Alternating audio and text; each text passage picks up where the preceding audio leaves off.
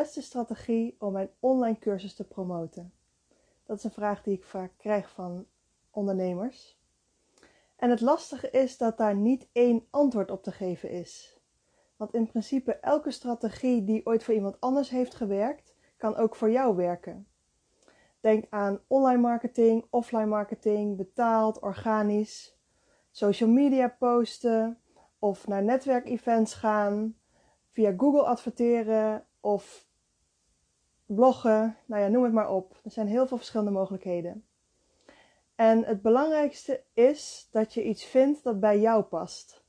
Dus als je het leuk vindt om te schrijven, ga dan bloggen. Als je het leuk vindt om video's te maken, ga dan bijvoorbeeld stories maken op social media of ga video's maken op YouTube. Ga kijken wat je kunt vinden dat ja, bij jou past en dat je ook consequent vol kunt houden. Dat je echt denkt van ja, dat, daar zou ik wel langere tijd dagelijks bijvoorbeeld mee bezig willen zijn. En het ander, een ander belangrijk ding daarbij is dat je ook kijkt naar of je wel all-in gaat op die strategie. En het kan natuurlijk zijn dat je een strategie kiest waarvan je denkt van ja, ik ben daar nog helemaal niet goed in. Ik heb dat nog nooit gedaan. Ik weet niet precies hoe dat werkt. Ga gewoon starten en ga het ook zien als een proces, als een leerproces. Ga je erin verdiepen. Ga bijvoorbeeld cursussen volgen of ga erover lezen. Ga kijken hoe andere mensen dat aanpakken. En neem ook tijd om te reflecteren op hoe je het zelf hebt aangepakt. Dus ja, wat kan beter? Wat werkte goed? Dus zorg dat je eigenlijk steeds bezig bent om het te verbeteren, om vooruit te gaan. En gaandeweg zul je zien dat je ook beter wordt. En gun jezelf dan ook daar de tijd voor. Dus denk niet van bijvoorbeeld als je kiest voor posten op social media. Ik ga een paar posts plaatsen. Oh, daar komt niks uit. Nou ja, laat maar. Ik eh, stop er weer mee. Maar geef jezelf bijvoorbeeld drie maanden of misschien zelfs wel een jaar. En ga dan kijken of je elke dag iets kunt posten. Of dat je elke uh, week bijvoorbeeld drie keer kunt posten. Dus zie het ook als een proces en geef jezelf de tijd om daarin beter te worden. Want dingen hebben ook de tijd nodig.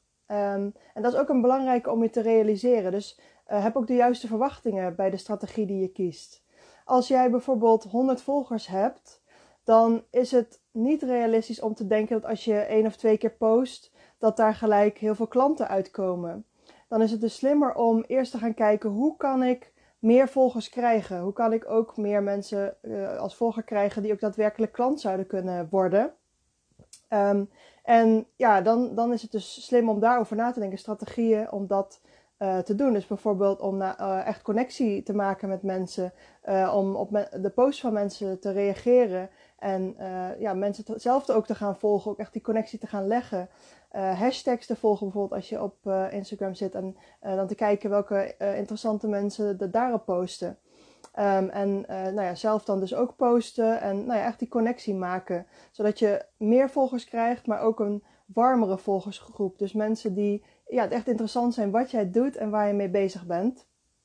Um, ja, dus wees je daarvan bewust. Kijk ook dus inderdaad naar uh, hoeveel mensen zijn er al geïnteresseerd in wat ik aan het doen ben en hoe realistisch is het dan dat daar ook mensen klant van worden. Natuurlijk wordt ook nooit 100% van die mensen klant, dus hou je daar ook rekening mee. Misschien dat dan 5% eh, mensen eventueel klant worden.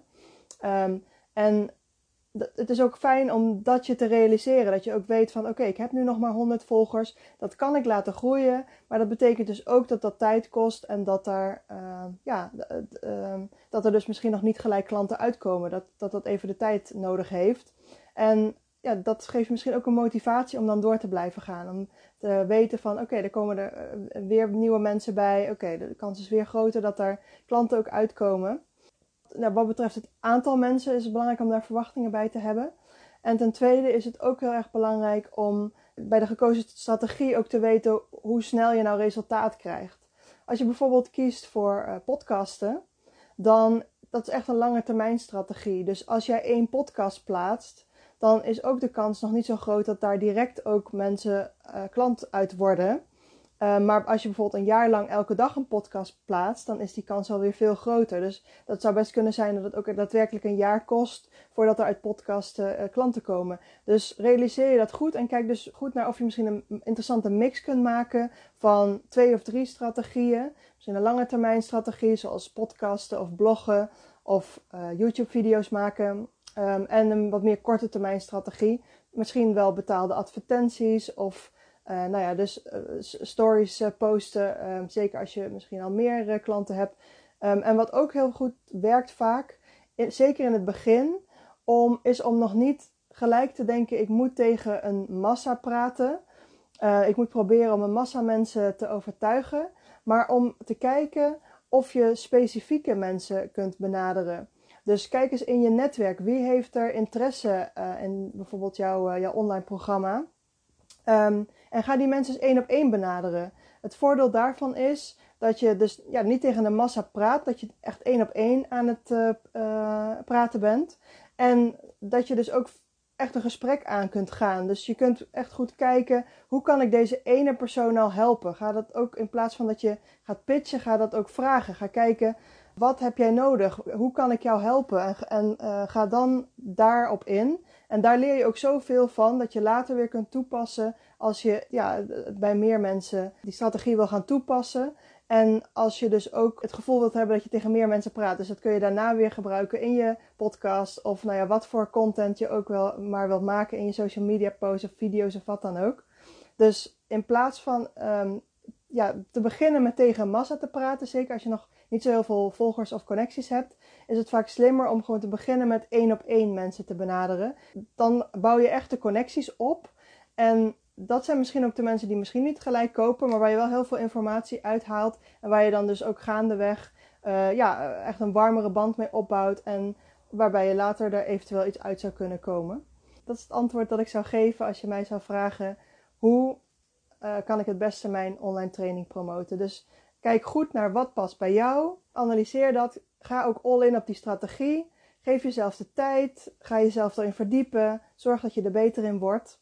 En ga niet gelijk tegen de massa praten, maar begin één op één uh, in eerste instantie, zoveel mogelijk. Misschien als je een podcast hebt, uh, ga bijvoorbeeld specifieke mensen uitnodigen om naar die podcast te luisteren of iets dergelijks. En heb dus ook de juiste verwachtingen. Geef jezelf de tijd en kijk hoe je uh, ja, gaandeweg daar beter in wordt en hoe je je daarin kunt verdiepen. mocht je ja, hier meer over willen weten of mocht ik Mocht je ergens tegenaan lopen, kan ik een keer met je meedenken. Neem dan gewoon contact met me op. Stuur een DM via Instagram. Het start nu op. En dan zie ik je graag weer.